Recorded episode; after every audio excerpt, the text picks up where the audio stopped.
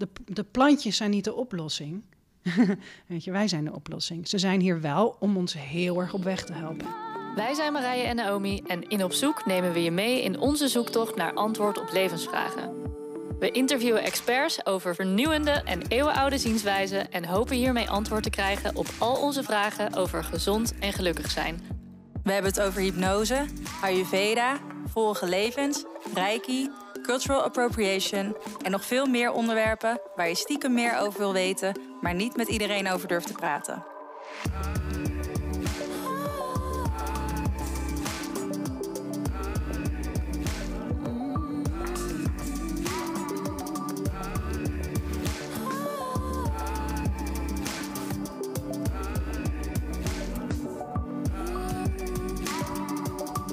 Hallo lieve luisteraar, wat leuk dat jij er weer bent. Welkom, welkom. Als je nieuw bent, hallo, ik ben Marije. En ik ben Naomi. En welkom in deze rabbit hole vol magic en mystery.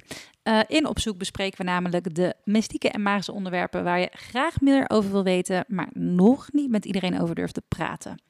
En voordat we onze gast van vandaag gaan introduceren, willen we jullie heel erg bedanken voor het luisteren en de reacties op onze vorige aflevering. Het was de eerste waar we samen zelf aan het woord waren. Dankjewel voor jullie mooie berichtjes. En we kregen zelfs een hele leuke fanmail van een man. Jawel, jawel, dat het onze beste aflevering was tot nu toe. Bedankt, bedankt. En um, als je dit nou leuk vindt, dan heb je geluk, want binnenkort kunnen jullie hier meer van verwachten buiten dit kanaal om. Heel mysterieus, maar als je daarover op de hoogte wil worden gehouden, kan je een mailtje sturen naar hi@opzoekpodcast.nl en dan houden we jou in de loop. Yes, en vandaag gaan we het hebben over psychedelica en dan in het bijzonder over de truffel. Want die kennen we natuurlijk vooral recreatief in Nederland, maar het wordt al heel lang ingezet als healing tool. En daar weet onze gast Natasja Pelgrom alles van. Natasha is een transformational mentor en coach en de director of wellness retreats bij Synthesis, een retreat center waar je helende reizen kan maken met psilocybine, dat is de werkzame stof in truffels. En daarnaast geeft zij ook haar eigen retreat en werkt ze met haar cliënten aan integratie van de psychedelische ervaringen. En in deze aflevering hebben we het over psilocybine, de spirit van de truffel, integratie van de ervaring, bewust omgaan met plant medicine en hoe je hiermee om moet gaan als facilitator. Daarnaast vertelt ze natuurlijk over haar eigen pad, hoe ze hier is gekomen. En verder zit de aflevering echt boordevol wijsheid en inspiratie. Natasja, dankjewel dat je met ons in gesprek wilde gaan.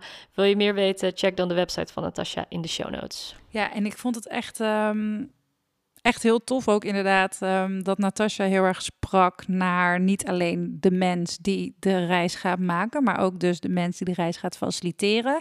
Omdat er naar onze podcast natuurlijk ook heel veel coaches, therapeuten, andere vormen van lichtwerkers en zo luisteren. Uh, dus dat uh, perspectief raakte mijzelf ook heel erg, merkte ik tijdens de opname. Ja, veel plezier. Enjoy.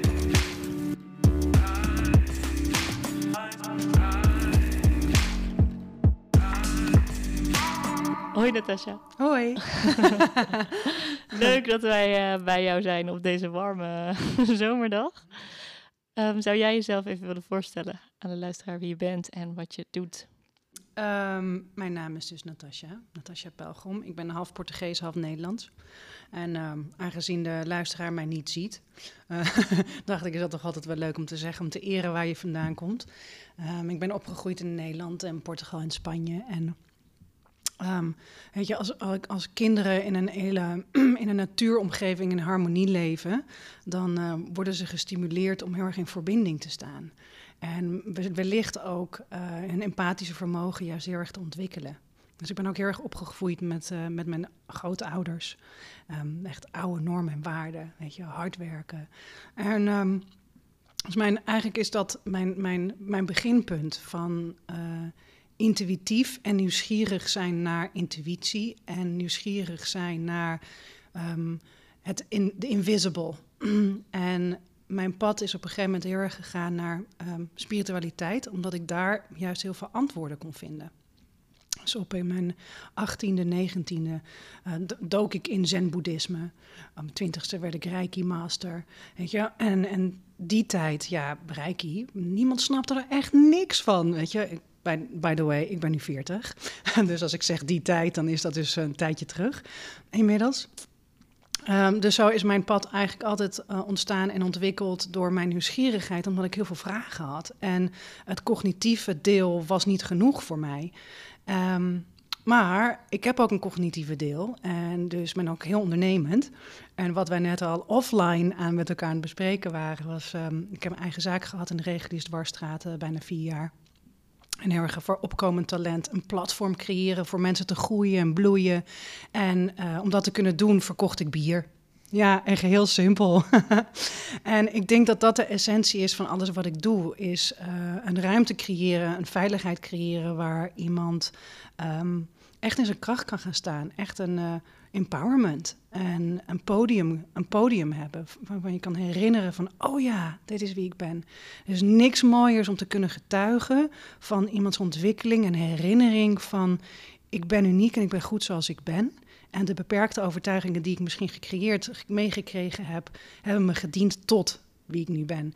En de ruimte die ik daarin faciliteer is door middel van verschillende coachingtechnieken. Dus ik uh, ben op een gegeven moment heel erg diep gedoken in theta healing. Uh, dus ligt heel erg dicht bij hypnose en NLP. Um, en zo is dat ontstaan. Op mijn vijftiende heb ik mijn eerste psychedelische ervaring gehad. En dat is eigenlijk de bodem geweest. Realiseerde ik me een paar jaar geleden pas voor het werk wat ik vandaag doe. En um, in een heel mooi woord is het sacred medicine work. Um, en, um, maar je kan ook zeggen een guide, een facilitator met plantmedicijnen. En richt ik me vooral op psilocybine, truffels. Je hebt natuurlijk uh, mushrooms, maar truffels. En um, ik werk focus op integratie heel erg. Dus integratie van transformatiewerk. En dat kan ook zijn bijvoorbeeld integratie naar ademwerk. Transformational breathwork en holotropic breathwork is net zo powerful als een psychedelica.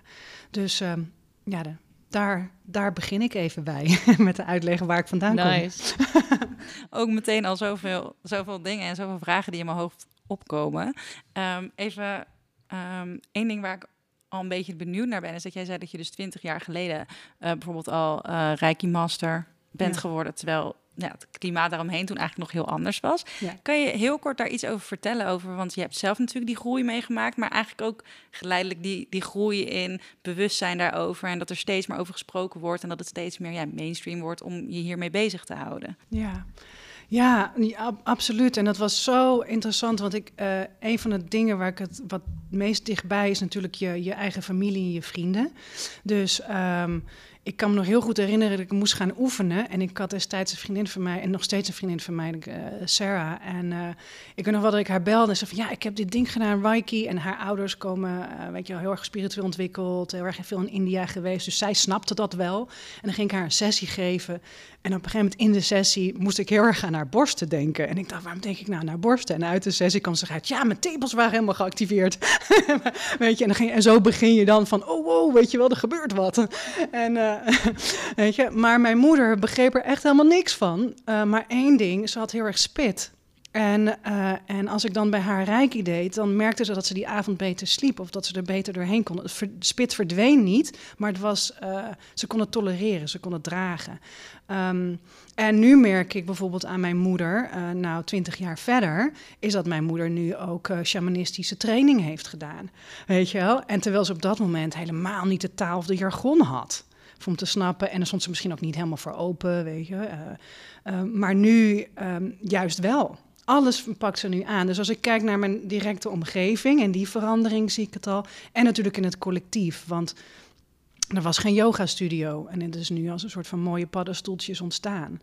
En um, ja, dus dat is zeker, zeker veranderd. Ja, dat lijkt me zo bijzonder, omdat voor ons um, is het daarin dan toch ja, iets anders. Zeg maar vanaf het moment ja. dat ik me hierin begon te ontdekken, kon ik inderdaad gewoon naar de yoga studio om de hoek wandelen, weet je wel. Of inderdaad mijn podcast app openen en op YouTube ja. dingen opzoeken en zo, weet je wel. Dus ja.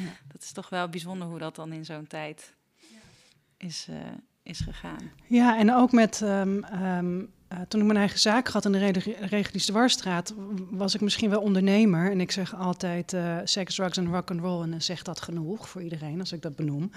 Ehm, maar dat betekent niet dat ik niet een heel erg ontwikkeld spirituele kant had.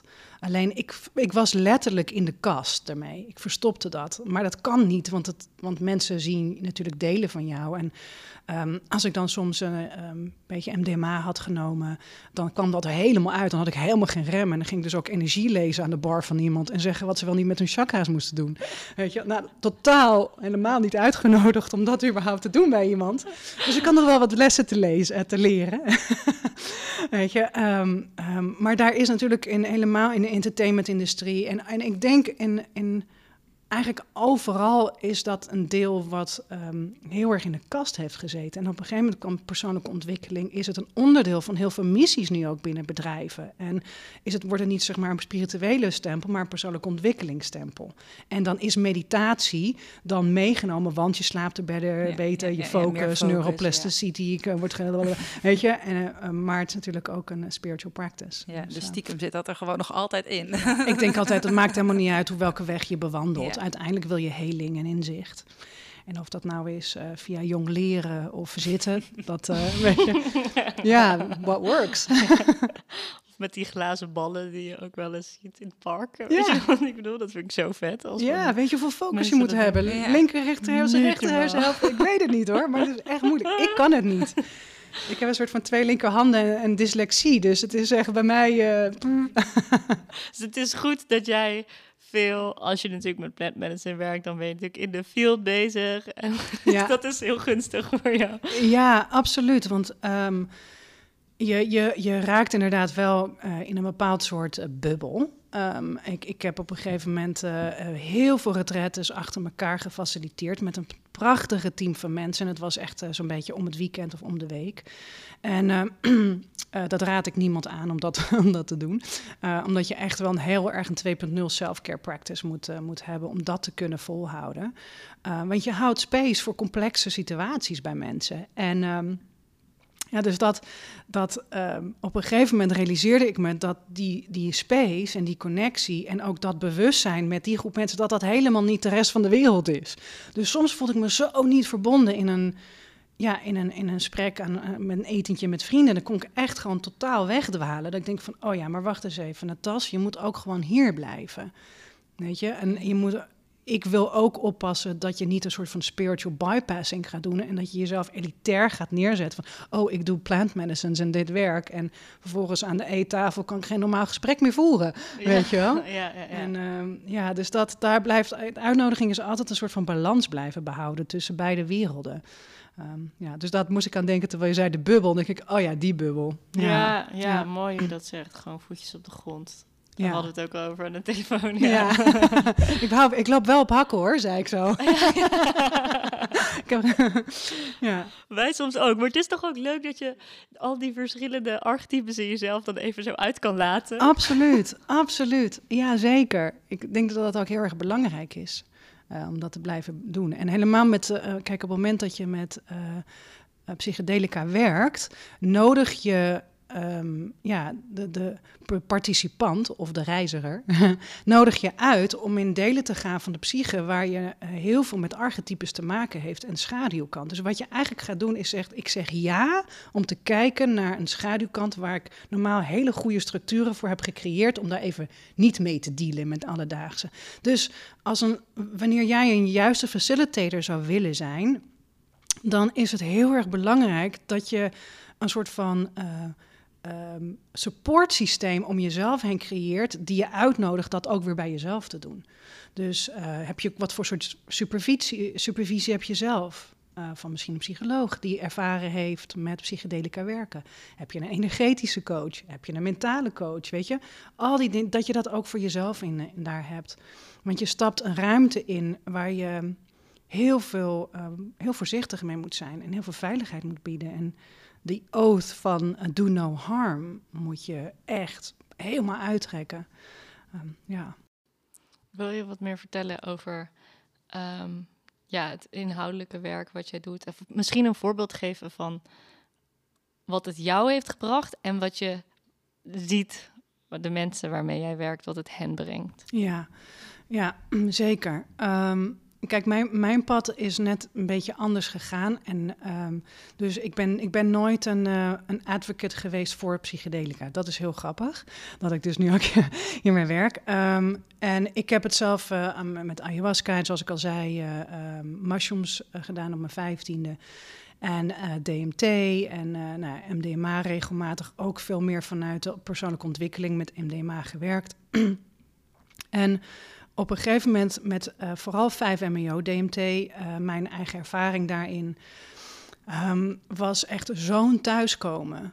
En ik, alles viel op zijn plek voor het eerst in mijn leven. Ik dacht, alles wat ik tot nu toe heb gedaan, heeft me eigenlijk geleid op dit moment, deze ervaring en in deze ruimte stappen. En op dat moment ook uh, de shaman uit Mexico, waar, waarmee ik dit mocht ervaren, um, ook ging helpen gedurende drie dagen. Dat, dat vloeide erin en ik dacht van, wow, you're kidding me.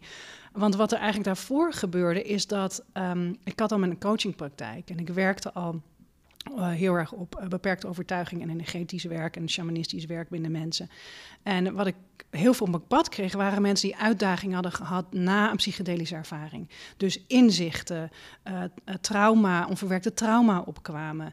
En dus doordat ik die integratiedingen heb meegemaakt, was het eigenlijk net alsof spirit of het leven, wat hoe je dat ook gelooft, ik vind het mooi om te zeggen de source.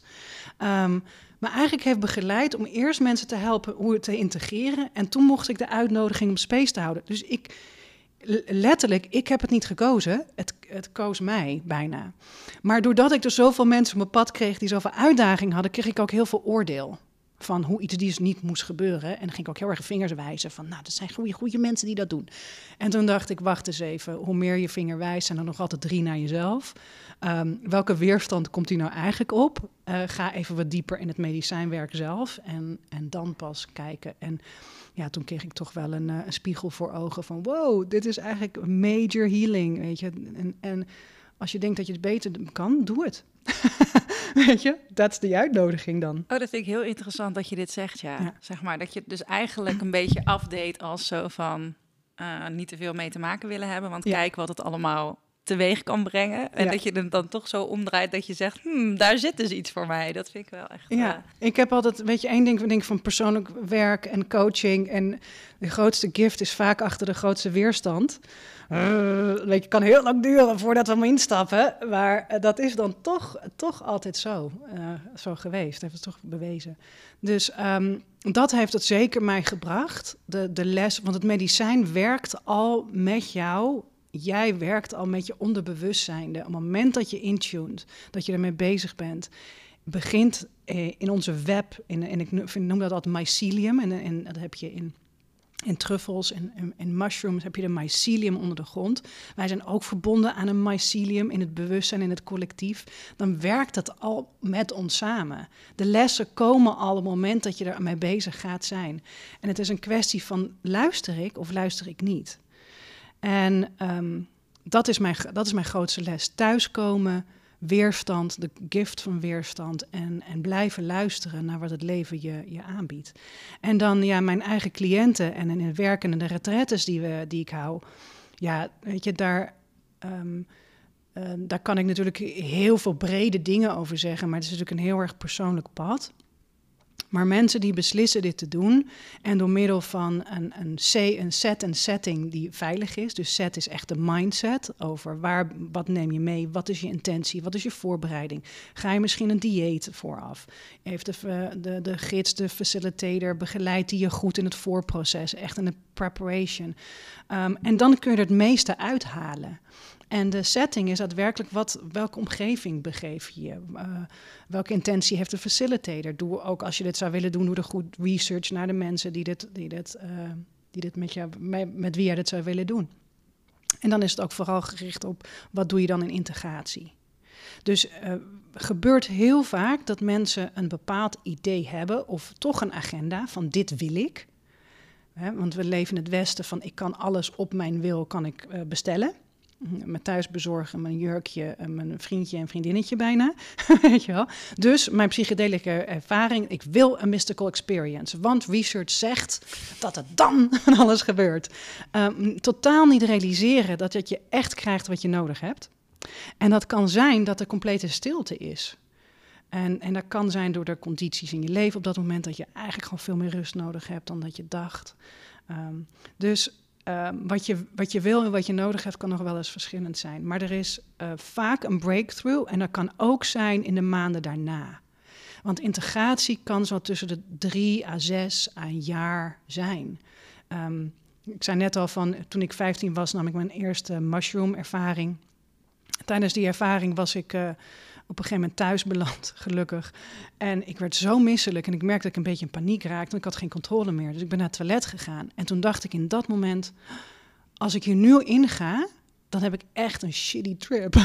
dus ik besloot op dat moment, ja maar wacht eens even, ik ga hier gewoon aan, ik ga me gewoon aan overgeven. Ik ga niet. En op hetzelfde moment dat ik dat besloot, werd het uh, wc werd dus en ging lachen en werd turquoise. En turquoise is mijn lievelingskleur. Je hebt het ook nu aan. Ik heb het nu ook aan. En dus, weet je, het, het werd turquoise. En toen moest ik zo lachen. Het was echt een beste ervaring ooit. Maar dat heeft me zo'n grote les gegeven over keuze, ademhaling, rust en wat kies ik nu. En dit is eigenlijk iets wat ik nu nog steeds aan mensen meegeef. En, toen, en dit is, weet je, toen ik 15 was. Dus, en dat heb ik net drie jaar geleden pas als een aha-moment binnengekregen. Dus je ziet maar weer dat soms een psychedelische ervaring en de gifts en de heling die het met zich mee kan brengen, um, nog veel later nog doorwerken. Um, lang uh, antwoord op je vraag. Dankjewel. oh, ik vind het zo fijn, want er is zoveel herkenbaarheid voor mij, maar daarover heb ik al heel veel gedeeld in de aflevering over ayahuasca. Dus moet de luisteraar die maar luisteren, anders val ik in herhaling. Heel goed. Ja. ja. Ga ik die ook even luisteren? Ja. ik vroeg me af um, of je wat meer kan vertellen over hoe het werk dat je doet er precies uitziet. Dus zeg maar, je vertelt dat je dan uh, aan de ene kant facilitator bent en aan de andere kant helpt met integratie. Zou je dat nog iets kunnen specificeren? Ja, super. Um, ja, dus we, eh, stel je voor, je, je komt naar retraite toe, dan is er eerst altijd een, eh, een intakegesprek. Het allerbelangrijkste is eigenlijk gewoon dat we mensen zijn en dat we met elkaar moeten hebben van een gevoeletje van, ja, die vind ik wel leuk. Weet je, want dat is, de, dat is de basis waar je vanuit gaat bouwen in, in rapport en veiligheid. Dus als allereerste hebben we altijd eer een, een, gewoon een online gesprek. En dan stel ik je een rits van, van vragen over uh, welke, wat voor ervaringen heb je. Heb je therapie gehad? Is er bepaalde medicatie die je neemt? Er zijn natuurlijk een aantal contra-indicaties. Uh, wat is je ervaring met plantmedicijn? Um, wat voor journeys heb je er hiervoor gehad? Er zijn heel veel variabelen. Uh, en wat is je intentie om het te doen? En dat is nog wel vaak het belangrijkste. Um, ik, ik, ik zeg altijd, ik, ik hou space vanuit compassie voor jezelf te herinneren om zelfhealing toe te passen. En daarin zet ik tools in, zoals emotional freedom techniek, shamanisme, droomreizen, een stukje NLP. Dus het hangt er heel erg vanaf wat er nodig is. Soms werken we aan inner child healing voor een ceremonieel werk omdat je dan eigenlijk gewoon al heel veel ruimte hebt vrijgemaakt. Ik denk als je van tevoren al heel veel kan opruimen, hoe fijn is dat? dus dat is de voorbereiding. En um, en dan kom je natuurlijk naar een retraite toe. En dat is een aantal dagen. En, en de retraite is heel erg gebouwd op uh, dat je cognitief snapt, daardoor veiligheid hebt. En dat je ook begrijpt van oké, hoe kan ik dit uitpakken? Um, en uh, daarna ook heel erg op integratie. Dus bijvoorbeeld dingen zoals heel erg veel lichaamswerk, ademwerk, yoga, um, uh, creatieve technieken om te verwerken, uh, droomreizen uitleggen. Weet je? Dus daar zijn heel veel verschillende soorten tools, maar ook cacao. Dus cacao is een medicijn dat wat nog maar even mijn, op nummer 1 staat omdat het zoveel cadeautjes kan brengen aan jouw lichaam. Het is ongelooflijk. Het is een hartopener en um, weet je, het geeft je zoveel voeding. Dus en cacao is prachtig voor een, een sharing circle na het medicijnwerk. Dus dat is ook onderdeel van de integratie. En dan daarna um, hou je een groepintegratie en één op één integratie als dat mocht dat nodig zijn. Dus dat is een beetje afhankelijk. Dus het is altijd heel erg kijken wat, wat is de intentie, wat heeft het individu nodig en daarop ook afstemmen en dat dan ook kunnen aanbieden. Uh, want het kan best wel zijn dat mensen, sommige mensen helemaal, I'm good to go, ik heb genoeg ervaring, ik weet wat dit is. En na een groepsintegratie al genoeg. En sommige mensen hebben meer behoefte aan één op één. Mooi. En um, het is een hele brede vraag, maar ik ben benieuwd gewoon naar jou, uh, naar hoe jij dit ziet. Um, wat is volgens jou de belangrijkste les die we kunnen leren van onze plantenvrienden? onze plantenvrienden. Of moeten we het dan specificeren van? Ja. De, de truffel. Ja. De truffel. Ja, weet je, je um, met ayahuasca heb je natuurlijk moeder ayahuasca. Uh, uh, en dan heb je zo heb je de, de vader en de, de opa San Pedro, weet je wel. Dit, je hebt allemaal verschillen met, uh, met mushrooms.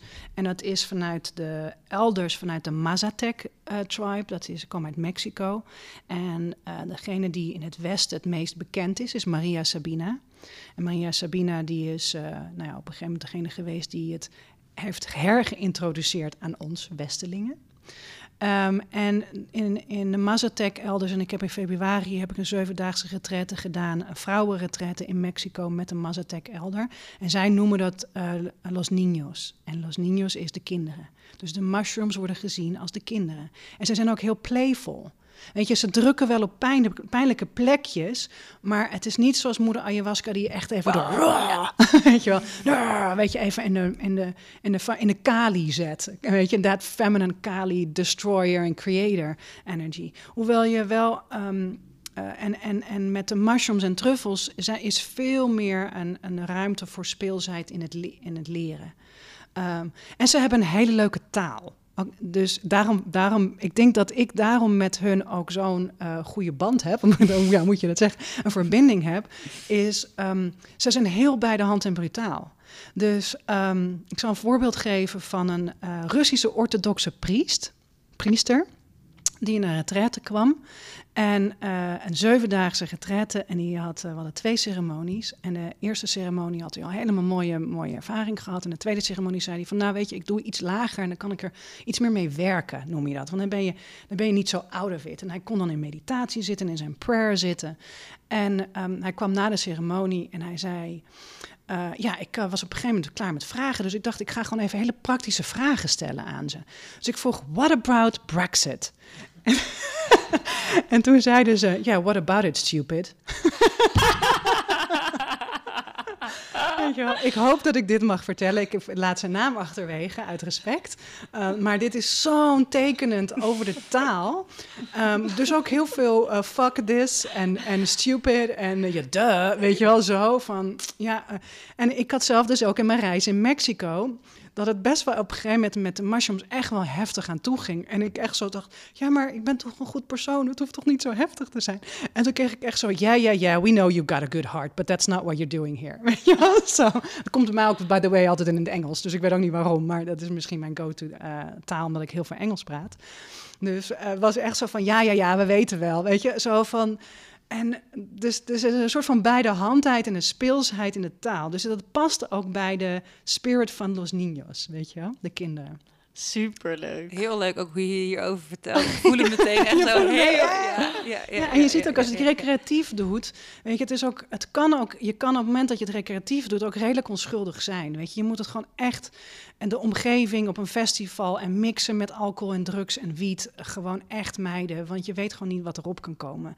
Weet je, maar daarom is het recreatief ook voor heel veel mensen in de natuur, met een groep vrienden, ook vaak best wel een aanhalingstekens veilig, veiligere go-to ervaring. Ja, want daar hoor ik op zich best wel veel goede ja. verhalen over als mensen. Ja. Dat ze dus ook letterlijk zeggen, we hadden het gevoel dat we met z'n allen in een avonturenboek waren. Weet je wel, ja, dat is toch Los Niños, zeg ja, maar, weet je wel. Ja, ja. Ik eigenlijk altijd ben voor, weet je, uh, heb, heb daar altijd iemand bij die niet iets genomen heeft. Die altijd, als er iets gebeurt, iemand kan assisteren en kan helpen van nee, dit gaat over. Weet je wel, je blijft er niet in hangen. Uh, weet je, en iemand zorgt dat iemand gaat slapen en eet. Weet je, dat er altijd toch iemand bij is um, uh, om daar de veiligheid en een oogje in het zeil te houden. Want je, je weet gewoon niet. Je, je weet mekaars psyche ook niet en, en, en achtergrond en lijf. En dus um, ja, maar dat is dus inderdaad de gevoeligheid van, de, van Los Niños. Uh, en de ontzettende lachkicks die je daar vandaan kan hebben. Ik bedoel, ja. Ik kan me echt. Ik weet nog dat ik voor de eerste keer dus truffels had gebruikt toen ik 18 was met vrienden. En toen kwam ik er dus achter. Iedereen zat gewoon helemaal zijn eigen, zijn eigen ding te doen. Het vond echt heel raar. Eigenlijk gewoon in dezelfde ruimte. Zat daar zaten mensen met z'n tweeën. Er lag één iemand lag op de bank. En ik was een muur aan het aaien. En op een gegeven moment was ik helemaal geobsedeerd door mijn shirtje wat ik aan had. En daarna weer een armbandje. En toen kwam ik er dus achter. Oh ja, dit is wat ik al mijn hele leven doe. Weet je wel, zo mega geobsedeerd met textuur en structuren bezig zijn en dat voelen en daarnaar kijken. En dat was ik vergeten, zeg maar, dat ik dat deed als kind en dus eigenlijk heel erg fijn vond. Dat je van die kralenwerkjes of ja, van die dingetjes die je doet als je meisje bent.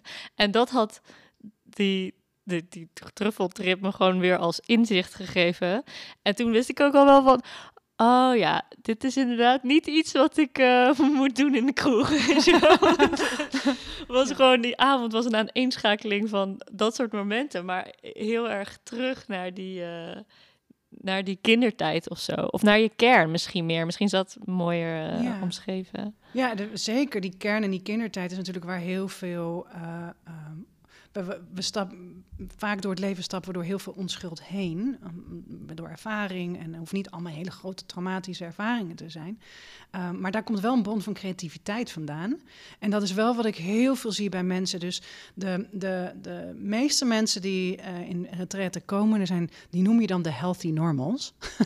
Weet je wel? Um, en die ergens in het leven op een crossroad staan of ergens iets zijn tegen iets aanlopen van, oh, ik heb nu dit bereikt, um, gezin, uh, succesvol, uh, maar ik ben eigenlijk een deel van mezelf kwijt. Waar is die gebleven? Waar is mijn verbinding gebleven? Waar is mijn nieuwsgierigheid gebleven? En, en um, dan is een reis met psilocybine en de truffels een prachtige manier om weer terug te komen in die creatieve proces. Dus er zijn heel veel mensen die bijvoorbeeld vroeger muziek maakten, die zijn gestopt omdat ze nu uh, accountant uh, zijn geworden. Weet je wel? Uh, maar een voorbeeld geven, dit is eigenlijk echt iemand, dus een voorbeeld op gebaseerd op iemand. Maar dan daarna dus direct naar de trippe gitaar heeft gepakt en de rest van de, zijn journey um, liedjes is weer gaan schrijven. En nu gewoon weer met zijn kinderen muziek maakt. Weet je? Wow. En, en dus de muziek de verbinder weer is tussen het gezin.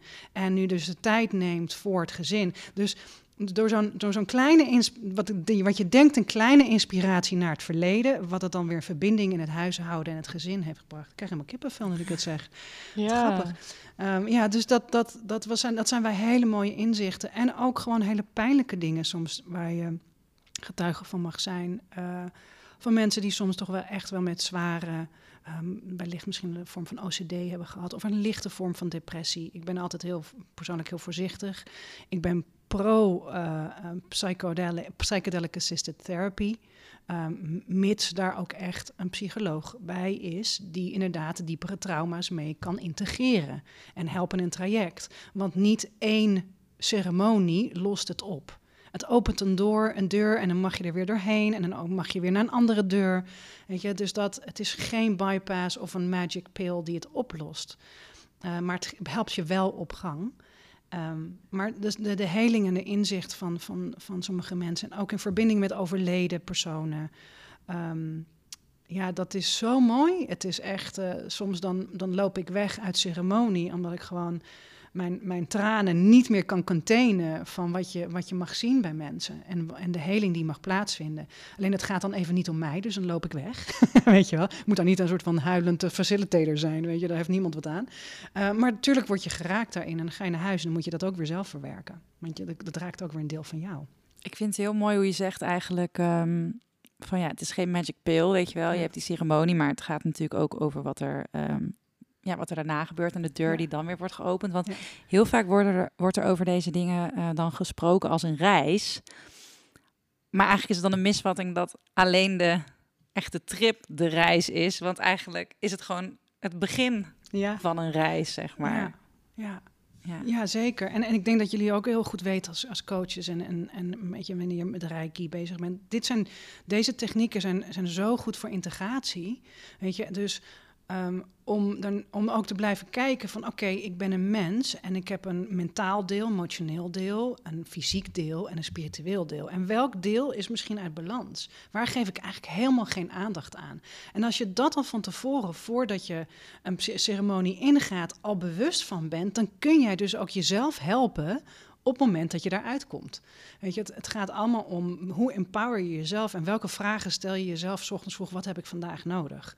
En dan kan je gaan zoeken van, hey, heb ik eh, een Naomi nodig vandaag? Weet je, of heb ik een Natasja nodig vandaag? Weet je, of heb ik gewoon echt puur mezelf nodig vandaag?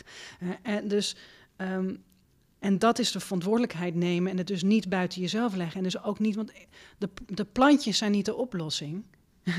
Weet je, wij zijn de oplossing. Ze zijn hier wel om ons heel erg op weg te helpen. En het is echt eh, prachtig hoeveel research er nu wordt gedaan. Ik ben, ik ben zo dankbaar over hoe serieus het wereldwijd nu wordt genomen. Want ehm, we gaan, worden allemaal wakker. Alleen de uitnodiging is nog steeds ook altijd om het te blijven bruggen met de eeuwenoude traditie. En dat we dat ook niet bypassen, degene die natuurlijk al heel lang hiermee werken. Dus de elders zoals de Mazatec tribes, maar ook de, in de Amazone met de, de Shipibo tribes, bijvoorbeeld met de ayahuasca. Dat je dat blijft ook bruggen en dat je met elkaar blijft praten. Ehm, het mooie wat ik bijvoorbeeld aan de truffels vind, en hier in Nederland, dat is echt geweldig, is dat wij eigenlijk, er is geen ancient wisdom tradition rondom de truffel. Want dat is nog redelijk nieuw. Weet je, dus we hebben natuurlijk de truffels en de roots van de mushrooms. En de mushrooms is boven de grond, dus dat is illegaal in Nederland. En dan de, de, truffels onder de grond, dat is nog, uh, dat is in het legale gebied. En daar zit ook psilocybine in. Dus, het is een, dus wij zijn eigenlijk uitgenodigd, ook bij drie hier aan tafel, degene die ook luisteren, is om te gaan bedenken, hé, hey, als wij dus de elders zijn, en wij, zijn, wij voelen ons aangetrokken om misschien hier dit te ervaren of hiermee misschien wellicht mee te werken. Misschien heb je wel een calling dat je zegt van, dan mag je dus ook nagaan denken van welke contributie en verantwoordelijkheid neem ik als elder van de toekomst over de traditie rondom de truffel. En dan gaat het niet meer over je eigen agenda, maar over een groter geheel. En ik denk dat dat, toen ik me dat realiseerde en binnen het werk, dacht ik, wow, wacht eens even. Dus elke stap die je dus ook doet als facilitator, doe je niet alleen voor jezelf en je cliënt, maar voor de hele community binnen, binnen ook Nederland. Dus um, ja, dus altijd, vind ik altijd een soort van beetje een kleine mission statement om te zeggen van, weet je, let, laten we dat samen bouwen. Ja, ik vind dat ja. echt, echt, echt heel mooi. Ik merk ook dat ik dus zelf dat steeds meer doe, ook met, met, ook met andere dingen. Bijvoorbeeld laatst dat, we um, in de coronatijden moest je toch manieren vinden om jezelf te vermaken. En toen uh, met een um, vriendengroep gingen we uh, hash brownies eten. Maar toen hebben we dat ook helemaal, hebben we eerst een cacao-ceremonie gedaan, zeg maar. Weet je, want zijn we er helemaal een soort van, waren gewoon met z'n zessen, maar hebben we er gewoon echt, en niet iedereen had daar ervaring mee, dus ik ging dan een meditatie doen en al dat soort dingen, weet je wel. En toen heb ik daar dus helemaal echt zo'n avond van gemaakt, uh, waardoor het ook echt fantastisch was voor iedereen.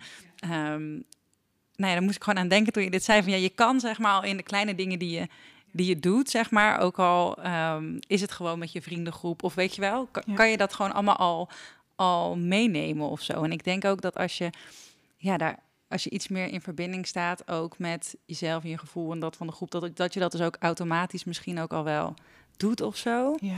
Ik weet niet, dat vind ik wel, uh, dat ja, vind ik wel iets grappigs. Mooi. En heb ja. je... Uh, heb je daarna, wat heb je daarna ook met elkaar zeg maar gedeeld? Ja. Wat iedereen heeft ervaren? Ja, ja, ja Wat zeker. waren de dingen die daarop kwamen? Nou, wat heel bijzonder was eigenlijk... Oh, dan ga ik dit vertellen. Sorry, ja. uh, maar mijn... Uh, nee, leuk. Anoniem, anoniem. Oh ja, anoniem. Maar ja. ik fietste naar huis met iemand midden in de nacht. Oh, wie zou het zijn? Misschien mijn vriendje. Hij hoeft deze podcast niet te luisteren. Nee, nee, die was niet zo goed. Die Hij zei luisteren. gisteren nog van, oh, ik heb echt lang niet geluisterd. Sorry. Ik zei, nee, maakt niet uit. Nee. ja. Maar hij was dus ook ineens helemaal, zeg maar, van... Um, uh, hij kon ineens allemaal patronen zien van zichzelf en van anderen. En dan ging hij terug naar een herinnering. En dan kon hij het ineens vanuit een andere kant, zeg maar, eh, bekijken. En toen is hij dus nog echt gewoon helemaal een boekje vol gaan schrijven, zeg maar, met allemaal inzichten die hij had opgedaan en weet ik veel wat allemaal, weet je wel. Ehm, en een ander had weer een soort van zieke verbinding met de maan. En echt zo van, die had echt zoiets, ik heb dit gewoon nog nooit gezien en dat dit bestaat. En die was daar helemaal op aan het gaan, weet je wel. Geweldig. Maar het was zo, en het was zo leuk en zo positief voor iedereen, weet je wel. Ja, het was echt gewoon één groot succes. Maar goed, Mooi. ja, volgende keer... Eh, leuk. Ik moest heel erg lachen toen Marije dat vertelde, dat Bart ook zo zo tegen Marije zei... "Oh, en jij wist het altijd al. Jij zag dit altijd al in mij. Oh nee, broer, je bent nog steeds bij mij. Zo lief. Echt, oh, je houdt al echt heel veel van mij dan. Ja, geweldig. Ik had nog een vraag. Ja. Over die eh, man ehm, die dan dus weer muziek eh, is Ja. gaan maken. Ja. Zonder het heel wetenschappelijk te maken of zo. Hè? Maar eh, wat gebeurt er in je brein op zo'n moment? Of met mij dan bijvoorbeeld met die structuren en die patronen en zo. Dat dat, dat ineens weer wakker wordt of zo. Zou je daar iets over kunnen vertellen? Ja, zeker. Je, komt, je hebt opeens bewust toegang tot je onderbewustzijn. En er zit natuurlijk heel veel, want we functioneren eigenlijk ons alledaagse leven. Ehm, ik weet niet de precieze cijfers. Ik geloof dat het echt, nou, 90% van ons zijn is onderbewust. Nou, laten we zeggen 10% is bewust. Nou, dat is gewoon natuurlijk heel groot.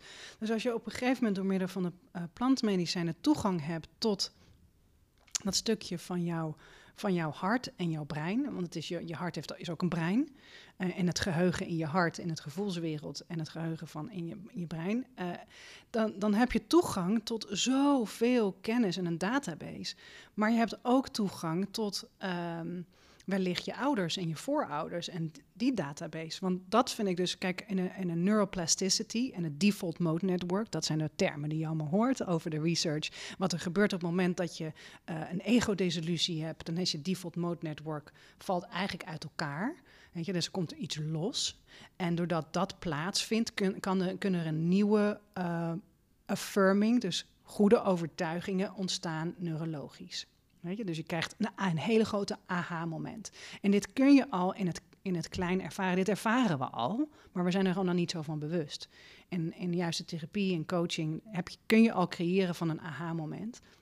Maar dit is daadwerkelijk een nieuwe verbinding. Dus je stel je voor, dit is een, eh, een voorbeeld. Ik geloof dat dit van Michael Pollan in zijn, in zijn boek eh, voorbij kwam. Je hebt de, volgens mij is het Michael Pollan. Als het niet zo is, dan kunnen we dat altijd nog corrigeren in de tekst. Maar ehm, dat is een staande en, en, een, en op een piste met sneeuw. En je moet je voorstellen dat je elke dag over dezelfde route naar beneden skiet. En die route maak je. En nu opeens met, met plantmedicijn komt er nieuwe sneeuw. En dat valt. En dan ga je dus nieuwe routes maken. En dat is wat er neurologisch plaatsvindt. Dus in- om niet al te veel in de science te gaan zitten om dat uit te leggen. Maar weet je, dit is even een beeld wat je kan snappen van... hé, hey, dit is daadwerkelijk dan een nieuwe route waar ik dan toegang heb tot dat onderbewustzijn. Nou, wat ik zelf altijd echt fascinerend vind... is dat mensen dus ook opeens toegang hebben tot waarheden... van ehm, de geboorte, Mm. voorgeboorte prenatal experience. Want daar zit vaak heel veel trauma voor mensen. Dus vaak als mensen heel erg een lichamelijke ervaring hebben binnen de psychedelische ervaring. En, en helemaal geen taal eigenlijk. ehm, dan, dan eh, kun je echt de prenatal eh, ervaring eh, ervaren en de rebirthing ervaren. Maar soms komen mensen dus ook met getuigenissen of wijsheden van hun ouders toen hun ouders klein waren, omdat ze opeens dat inzicht nodig hadden, hadden om te begrijpen, om dat aha-moment te hebben. Nou, waar komt dat dan vandaan? Weet je, welk stukje van ons brein komt dat dan vandaan? Dus, ik- dus ik ben heel benieuwd hoe we in de, in de research, hoe we daar nog veel meer op in kunnen, eh, dat kunnen onderzoeken. En dan ehm, kun je zeggen, ja, weet je, maakt het uit of dit waar is? Weet ik niet. Maakt het uit of het überhaupt waar is? Dat is vaak een vraag die wordt gesteld. Is dit dan echt waar? Ehm, ik zeg, wat heb jij eraan gehad? Ja, dit en dit en dit. Nou, dan is het waar. Dat is al goed. Dat is vaak voor mij persoonlijk goed. Uh, voor sommige mensen, die willen dan toch iets meer. En die gaan dan, dan terugvragen aan de ouder als die nog leeft. Van, hé, hey, hoe was mijn geboorte? Heb, hoe was dit? Hoe was dat? Of toen jij klein was? En echt waar, 9 van de 10 keer komt de, komt, klopt die waarheid. Dus als, die, als ik dat dan terughoor van mijn cliënten dan denk ik dat al die andere keren dus ook wel waar zullen kunnen zijn, weet je wel. Dus dat is heel interessant. Um, en toevallig in die manier waarvan jij zei over de muziek, uh, had ook een verbinding met zijn vader met muziek maken. Uh, dus, dus er was ook een heling die er plaatsvond over uh, zijn vader en de relatie tot zijn vader en het verdriet wat hij daarin had. En dat kon plaatsvinden. En die heling met zijn vader linkte weer met de muziek, waardoor hij geïnspireerd raakte met de muziek en pakte muziek. Dus het is een hele, het is eigenlijk uh, um, ancestor healing, wat er vaak moet plaatsvinden. Mooi. Ja. Ik heb denk ik nog wel een vraag voor mezelf. Ja. Um, ja, terwijl jij aan, toch zit, aan het praten was. Um, en het had over als je dus een hele lichamelijke ervaring hebt. Um, ik voelde dat ik emotioneel werd en, en verdrietig een beetje. En um, eigenlijk de eerste paar ayahuasca-reizen die ik heb gemaakt waren super fysiek. Ook heel magisch, maar er was een heel groot gedeelte van de reis wat echt alleen maar fysiek, fysiek, fysiek, fysiek, fysiek was. En ik heb dat eigenlijk nooit echt goed begrepen wat daar gebeurde. Ja. Zou je me kunnen helpen? um, er is een term dat komt uit Zuid-Amerika en dat op het moment dat wij uh, heel erg een fysieke ervaring hebben, dat heet de sacred surgery. Aha. Ja. zeg maar rijden. um, het heet de sacred surgery. En um, Kijk, als je kijkt naar, ik weet niet of iemand misschien hiervan gehoord of dat jullie gehoord hebben, somatic experiencing. Dat is een, uh, een vorm van therapie waar je eerst trauma gaat behandelen via het uh, zenuwstelsel. Dus dat is uh, trauma houdt vast in het lijf. Dus dat is ook heel, is heel mooi om, om daarop in te, in te duiken. Want kijk, ik ga ik een stukje terug om antwoord te geven op jouw vraag. Um, de um, dieren op het moment dat die in shockstand zijn, dus bijvoorbeeld zijn achterna gezeten, een, een, een hert is achterna gezeten door een leeuw. En die heeft dan een shockmoment gehad. En uh, die is dan losgekomen. Dan, dan schudden ze het af. Dan gaan ze liggen, lijf letterlijk schudden. En um, wat wij als mens doen, wij zijn nog steeds dieren, alleen we zijn die verbinding compleet vergeten. Vooral in het Westen. In de shamanistische traditie uh, doen ze heel veel met shaken. Bijvoorbeeld Osho, die benaderde meditatie voor ons Westelingen eerst door heel veel shaken, dansen, bewegen en dan pas zitten. Weet je, omdat wij namelijk heel veel trauma in onze cellen. Um, ik wou dat iedereen dit kon zien, maar wat ik mijn voorbeelden eigenlijk ken je die, um, die dingen van vroeger, dat was in de jaren negentig, wat je zo de trap af kon. Ja. Oh, Hoe ja. heette die ook alweer? Ja, ja, die, shit. Die, die honden. Je weet ja, wat die regenboogkleuren Heel leuk. Ja, Zo, en dat ging zo eraf. En dat kon je zo uit elkaar trekken, een soort van een accordeon-achtig idee. Nou, Ja. ik denk dat de luisteraars dit ook wel snappen wat ik bedoel. Maar ehm, je moet je voorstellen dat als je dat helemaal eh, uittrekt en dus in je lijf, dat dat je energie is en dat gaat aan, uit, aan, uit. Dus je amygdala, je fight and flight, die blijft dus eigenlijk constant geactiveerd omdat er geen energie-release is uit je nervous system. Dus dit is ook vaak waarom een lijf in, in, een, in een loop blijven zitten met trauma. En trauma kan heel simpel zijn ehm, eh, van de fiets gevallen toen je vier was. En er was misschien net niet iemand snel genoeg om jou op te pakken om te troosten. En het lijf heeft dat even als een glitch ervaren van, oh, weet je wel, de, ik, heb, ik heb hier pijn ervaren. Dus het, trauma hoeft niet meteen te zijn, eh, weet je, vaak denken bij het woord trauma, eh eh, gruesome eh, eh, situaties. Ehm, dus het lijf kan het op die manier ervaren. Dus als je kijkt naar somatic experiencing, dan ga je ook eerst, voordat je daadwerkelijk de praattherapie doet, moet je eerst het zenuwstelsel kalmeren en de spanning uit het, uit het lichaam halen. Dus dat is een hele mooie weg eh, om naar te kijken. Ik vind somatic experiencing echt fantastisch om, te, om toe te passen en te begrijpen samen met psychedelisch werk, eh, psychedelica werk. Want ehm, in jouw geval, ehm, ik hou niet de waarheid, maar waar het mij aan doet denken is dat er dus daadwerkelijk in jouw cellen een bepaalde vorm van trauma zit. En dan moet dat eerst ruimte gemaakt worden. Dus dan heb je een sacred surgery. En ik heb zoveel ervaringen en nog steeds, waar ik de eerste, zo voelt het dan, uren, want tijd hebben we geen idee. Het kan misschien vijf minuten zijn, maar voor mij voelt het een oneindig iets. Ben ik alleen maar aan het trillen en eh, shaken, shaken, shaken. Maar nu weet ik, en het voelt zo lekker om dat helemaal toe te laten, want het is gewoon letterlijk, er gaat van alles uit mijn lijf. En op het moment dat je het toelaat, en helemaal met de eh, Dynamic Meditation van Osho, als je dat helemaal dat debiele shaken helemaal toelaat en je gaat erna zitten, hoe lekker voel je je dan? Weet Ja? Of ja, als je gaat drummen op de drum en, en, en in de transreis doet en je gaat meebewegen met de drum en je voelt gewoon dat die trilling in jouw cel. Dus daar doet het mij aan denken. En het is alleen aan jou, doordat je dit hoort, dat je denkt: hé, hey, misschien resoneert dit en klopt dit. Ja, Weet je wel? Eh, ik was natuurlijk niet onderdeel van de reis, ik was ook niet je gids, dus ik weet niet welke andere. Soms kun- kan een facilitator bepaalde dingen oppikken en zeggen: oh, het was misschien meer dit of dat. Maar Hmm. ik denk dat het goed is om uit te leggen dat het lijf dus heel veel trauma vasthoudt elke dag en dat we het eigenlijk niet meer zijn vergeten te gebruiken. ja, ja, ja. Ja, thanks. Ik had tijdens je antwoord wel een aha-moment. Ja? Ja, ja. Want ik ben na mijn eerste ayahuasca-reis, ik denk een maand daarna of zo, toen... Nou goed, ik was toen 22 en het was toen niet echt normaal om erover te praten. En heel veel vrienden die dachten ook echt, ja, wat de fuck heb jij nou weer gedaan, weet je wel? En ehm, toen ben ik dus een psychodynamisch therapeut gaan zoeken, aflevering 1, Jasmijn. en die, eh, die heeft Heel me goed. toen heel erg geholpen met de integratie. Ja. En zij was ook helemaal niet veroordelend over plantmedicijnen. Dus dat was heel erg fijn, want ik had dat stukje nog heel erg nodig. Want ik had die hele fysieke experience gehad, maar hoe ja, ging ik het daarna laten landen, zeg maar. ja. Dus ehm, ja, cool. Oké, thanks. Ja?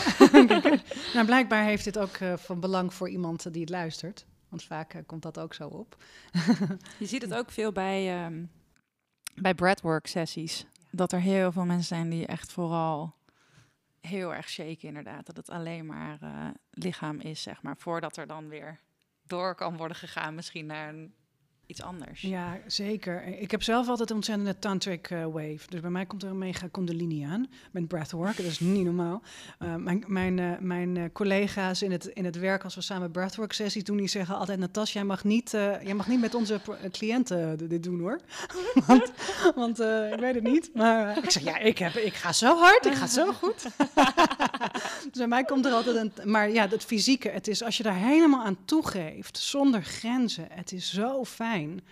Weet je, dat, ehm, het is heel bevrijdend om dat te kunnen doen. Ja. Ik moet ineens denken nog nog aan Los Niños. ja. Omdat ze Onze dan onze Ja. vrienden. Ehm, ja, ik heb zelf dus niet zo heel veel ervaring eh, daarmee. Maar ik weet nog de laatste keer dat ik dus een ayahuasca-reis ging doen. En dat was eigenlijk niet vanuit een hele goede intentie. was gewoon een beetje om... eh, ik wilde gewoon in de space. En eh, ik had niet zo heel veel zin om echt hier op de aarde mezelf in de spiegel aan te kijken, zeg maar. En toen lukte het dus ook niet om te gaan reizen, zeg maar. Het was echt letterlijk alsof een gids zo'n hand op mijn hoofd hier had, mijn kruin.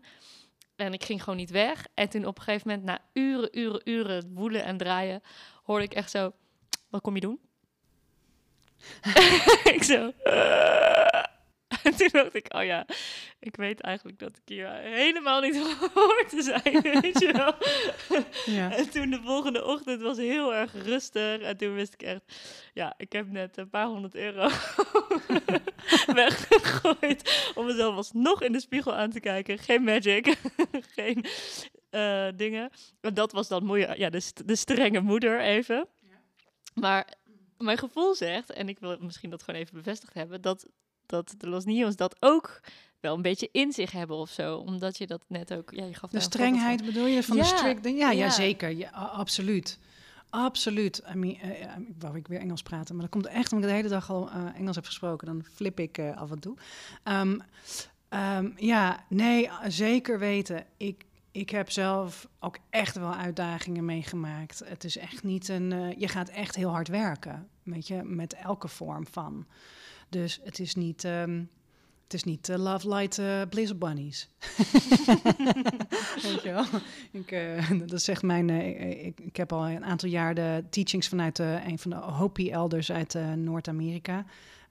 de, van de Bear Clan. En mijn grandmother Medicine Song heet zij. Dus even om haar te eren.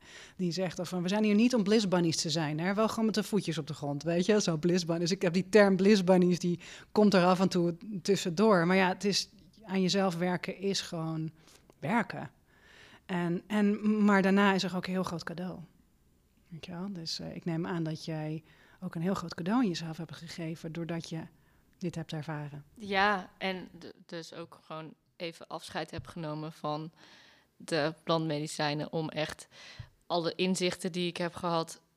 Ja, als ik daar bijvoorbeeld die eenheidservaring, weet je wel, dat ieder eh, concept werd afgebroken. Nou ja, dat is iets waar ik de rest van dit leven of meerdere levens misschien nog op kan trainen, zeg maar. Want dat schiet ik ook de hele tijd uit. Ja. Dus ehm, soms denk ik wel eens van, oh ja, als ik het nu weer zou doen, zou ik niet helemaal gek worden. Hoeveel van die dingen, eh, ja, moet je nog horen, zeg Ja, ja, ja, precies. Weet je, en je hebt natuurlijk eh, ja, ook ehm, eh, personal development tourism. En, en, en die, van de ene ding en de andere ding en dan niet integreren. Eh, die, die heb je er ook. Ja. Is dat goed? Is dat slecht? Geen idee. Weet je, daar heb ik. eh, dan, dan moet je vooral. Ik denk dat je vooral moet kijken wat, hoe, hoe integreer ik zelf iets. En eh, in februari heb ik dus, ben ik zelf naar Mexico gegaan, zeven dagen daar en eh, drie ceremonies. Heel pittig geweest. En ik had een paar dagen geleden nog een heftige droom. Dus eh, weet je, en dat was in februari en we zitten nu alweer eind juni. Dus dat, weet je, dat, dat kan, heeft echt soms wel wat tijd nodig. En ehm, voordat ik daarheen ging, was ik met een van mijn vriendinnetjes, Nienke, waarmee ik ook eh, retretes heb en, gedaan, in, vooral op Ibiza. Ehm, wat natuurlijk nu niet plaatsvindt. Ehm, maar eh, hebben wij een ceremonie met z'n tweeën gedaan in truffels. En op een gegeven moment riep ik zo. En dat was zo fijn. Nienke, Nienke, dit is een spa voor de ziel. weet je, dus dat kan ook, weet je. Het is niet altijd alleen maar oh, werken. Dat was zo fijn. Ik had, het was zo'n rustpunt. Ik, en, en we zijn daar zo, en op een gegeven moment ook echt allebei kunnen we heel goed de space voor elkaar houden. En als het even nodig is, even check-in. En dan, oké, dan gaan we weer door in onze eigen space. En dat is heel fijn om gelijken te hebben, om samen te reizen, om het toch niet alleen, eh, eh, volledig alleen te doen. Uh, maar de spa van de ziel kan ook. Mooi. Ja. Ja, heerlijk klinkt het.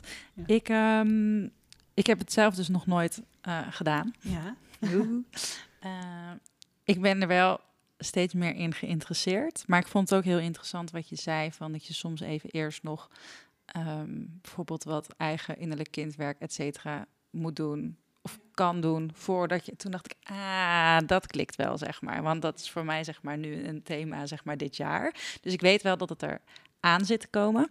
Um, dus welke tips heb je voor als het moment aanbreekt? Ja. Dat, die, dat het zeg maar gaat plaatsvinden. Zeg maar gewoon heel breed. Denk je dat het beter is inderdaad om het dan um, ja, echt met iemand die het faciliteert? Of zeg maar hoe. Wat, Ja. is, wat is de ideale setting? De ideale setting. Um, nou, sowieso uh, vind ik het heel tof dat je al zelf zegt van... aha, dat is heel goed voor mij. Want ik denk dat, dat een van de dingen wat de meeste mensen doen... is kijken, wat is er nu hip in happening? Eten we met z'n allen quinoa, weet je wel? Dat zegt mijn vriendje altijd. Ik gebruik even zijn grap. Mm. Maar uh, weet je, of gaan we met z'n allen ayahuasca doen... gaan we met z'n allen dit. Maar dat je heel erg bij jezelf blijft. En dat is, de, dat is de vraag nummer één. Waarom doe ik het en ben ik hier daadwerkelijk klaar voor? En ik denk dat dan stap je op het moment dat je het gaat doen, stap je al met uh, zoveel verantwoordelijkheid in. Dan ben je al zo bereid om het aan te gaan. Dan, ja, dat is, dat is, dat is de gift van de plants al. Weet je? Dus ja. je, bent je, bent eigenlijk al, je bent er eigenlijk al. Want je, want je eert jezelf waar, wat jij nodig hebt en waar jij staat in je eigen ontwikkeling. Dus nou ja, op een gegeven moment, als je dan inderdaad dat wil doen, ik zou altijd zoeken naar mensen waarmee jij voelt, ja, en hoeveel ervaring hebben ze? Hoe doen ze de intake? En, maar vooral, wat doen ze als het niet goed gaat? Weet je wel? Dus vraag jezelf, maak ook een vragenlijstje. Wat doe je? Wat, wat is hun ervaring met als het niet goed gaat? Um, hoeveel mensen zijn er? Um, weet je wel? Uh, is het uh, één facilitator op tien? Bijvoorbeeld. Weet je, dus al deze.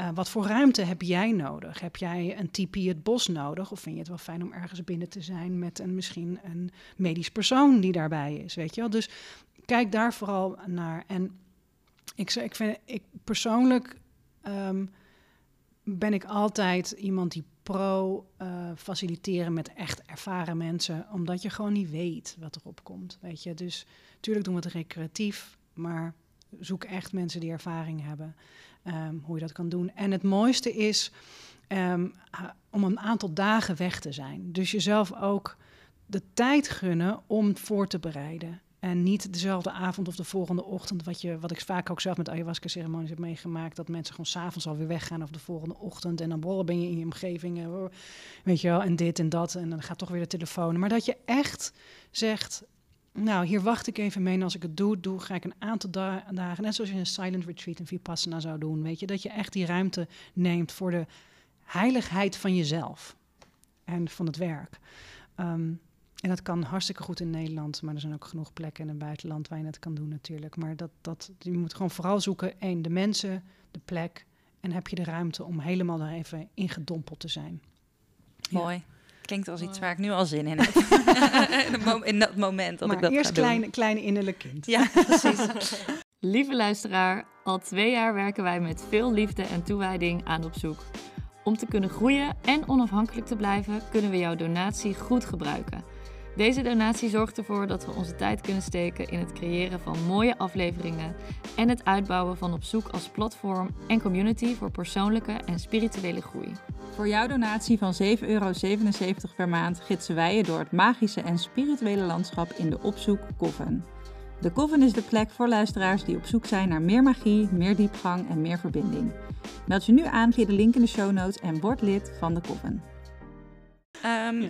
En ehm, zijn er ook, ehm, wat zijn de belangrijke contra-indicaties als iemand dit luistert en denkt, yes, ik wil hier meteen mee aan de slag. Ehm, wanneer moet je dat misschien niet doen? Ja, nou sowieso eh, heb je een diagnose van een, eh, een mentale staat, dus depressie, OCD, PTSD, bipolar, eh, schizofrenie. En dat zijn allemaal dingen, of familie, dus ouders met. Dan zou ik altijd eerst kijken met een therapeut waar je bent. Eh, als je medicatie neemt, is het gewoon een dikke nee.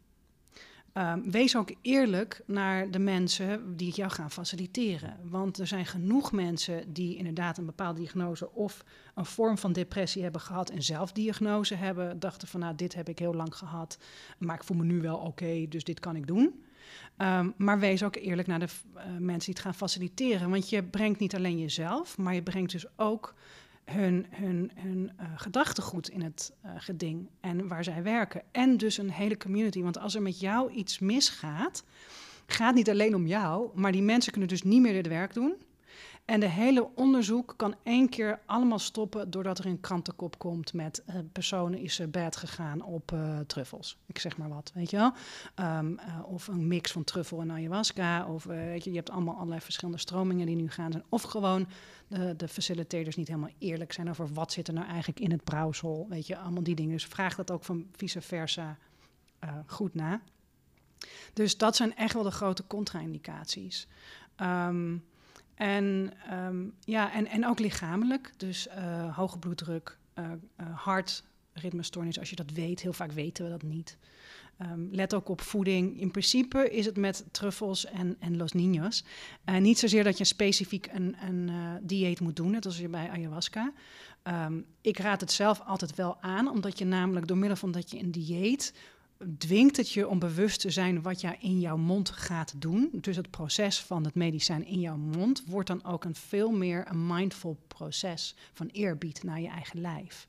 Dus stop met suikers, um, koffie, alles en alcohol en andere vormen van drugs. En dus ook um, wiet of zeep, dat stopt daar ook dan even een aantal dagen mee. En als je echt into vasten en biohacking is, nou, dat is een perfecte moment om meer, misschien meer te gaan vasten en een andere zelfcare routine te gaan doen om jezelf voor te bereiden.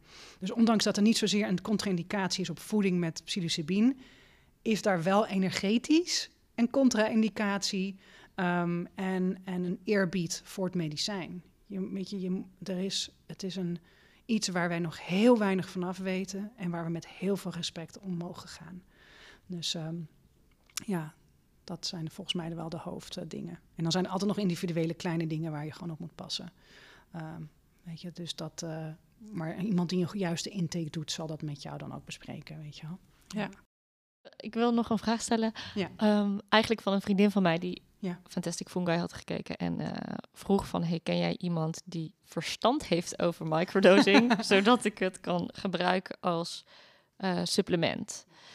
Um, zou je daar wat meer over kunnen vertellen, over hoe het werkt? Yes. En... ja. Um, yes. yes. ik heb een Engels brein vandaag. Excuus, uh, Nederlands publiek. um, ja, sowieso ben ik geen expert in microdosing. Uh, er is uh, microdosing.nl, is een hele goede source om naar te kijken voor Nederlandse tekst. En een heel breed publiek van ook een vriend van mij, dat is de Third Wave. De Third Wave heeft een microdosing course. Dus dat zijn sowieso twee hele goede sources om naar te kijken, om echt diep in te duiken. Um, je kan het inderdaad als supplement gebruiken. Het hangt er een beetje vanaf. Kijk, je hebt uh, een vriendin van mij die heeft zelf uh, uh, Los Niños gegroeid. En die, die heb ik gebruikt samen met een vriend van mij om mijn eigen microdosing pillen te creëren. En dan, en dan mix je dat met Lion's Mane. Dat is een, ook een mushroomsoort. En niacin. En niacin is echt breinvoeding.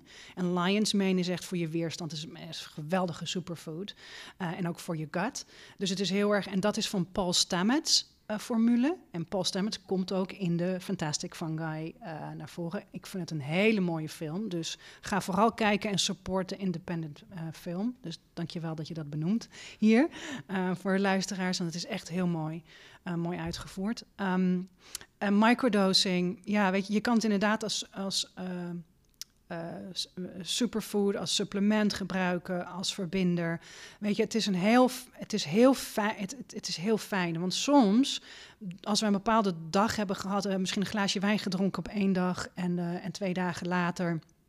Uh, hebben we, um, zijn we niet zo lekker, dan kan je opeens veel gevoeliger zijn en een dag later voel je veel minder. Dus de dosering, de basis, kan nog wel eens per dag verschillen en ook je sensitiviteit. Dus in mijn geval LSD, uh, microdosing, is bij mij niet heel, altijd heel erg goed gevallen, omdat ik zelf zo super aansta.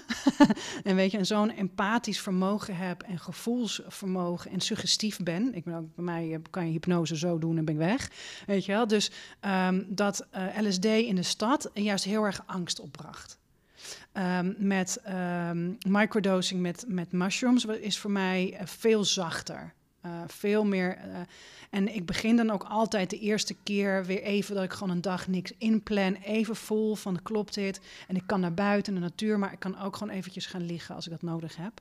Um, ik ga niet zeggen wie, want dan, want dan weten de luisteraars als ze mij kennen wie, wie dat is. Dus een persoon die heeft mij gisteren verteld dat zij, ja, ik kan wel zij zeggen, uh, dat zij. Um, um, microdosing doet voor het slapen gaan, want zij werd daar dus heel loom van.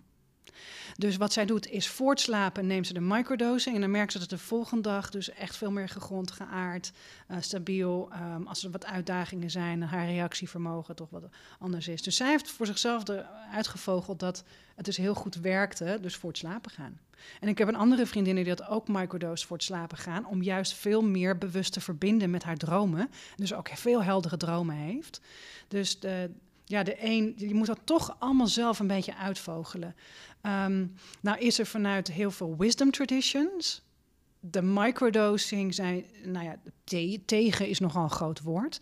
Maar laten we zeggen dat de wenkbrauwen omhoog gaan, omdat zij dat zien als een, um, als een inflated ego, dus uh, bypassing. Want wat je eigenlijk wil, is dus de, de, de diepte in, zodat je in een nederigheid en in dankbaarheid komt, want daar is heling. En op het moment dat je dus uh, microdosed, ga je niet door, de, door het helingproces heen. Weet je, dus zo zien de wisdom tradition. En niet allemaal, maar ik, het is weer een vriend van mij die mij dit heeft verteld, die dat zelf heeft uh, gehoord en zo. Nou, zo gaat dat dan. Dus het is heel interessant omdat ook de superhuman biohacking, wat allemaal out there is, en we moeten, heel veel inflated ego. Uh, terwijl juist ook heel erg gaat om niet om het ego te temmen of af te breken, maar we moeten daar wel gewoon een partnership en een begrip en uh, de diepte ingaan in een ceremoniële setting. Dat natuurlijk echt wel veel meer geeft. Dus er zijn pros en cons. En je moet altijd luisteren waar resoneer ik mee en wat is de spirit. En um, dus ja, je kan zeker als supplement. Um, maar ja, dat, hier is nog een ander inzicht. Ja, heel mooi dat je Thanks. dat ook deelt. Ja. ja. En waar kunnen onze luisteraars meer over jou vinden of jou volgen? Mijn um, website, dat is mijn naam, uh, Natasja Pelgrom Dat is super makkelijk. Uh, lekker Nederlandse naam. ik heb niet mijn Portugese naam. Uh, dus daar kun je zeker meer, uh, meer van vinden en volgen en vragen. Dus um, ja. ja. En natuurlijk zitten we nu in de, COVID-tijd. Dus retraites zijn even op pauze. Um, en dus ik, ik hoop dat we dit jaar nog mogen beginnen. En, want het is natuurlijk heel erg intiem werk. Dus anderhalve meter afstand, uh, hoe, ga, hoe gaan we dat doen? Weet je, als jij sacred surgery nodig hebt, dan heb je soms een hand nodig uh, op je rug of op je hart.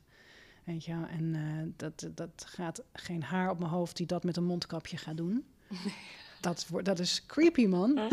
Daar wil ik. Ik wil dat zelf al niet ervaren. Van, dus laat staan dat ik het geef aan iemand. Dus dat zijn allemaal dingen, weet je, protocollen waar je rekening mee moet houden.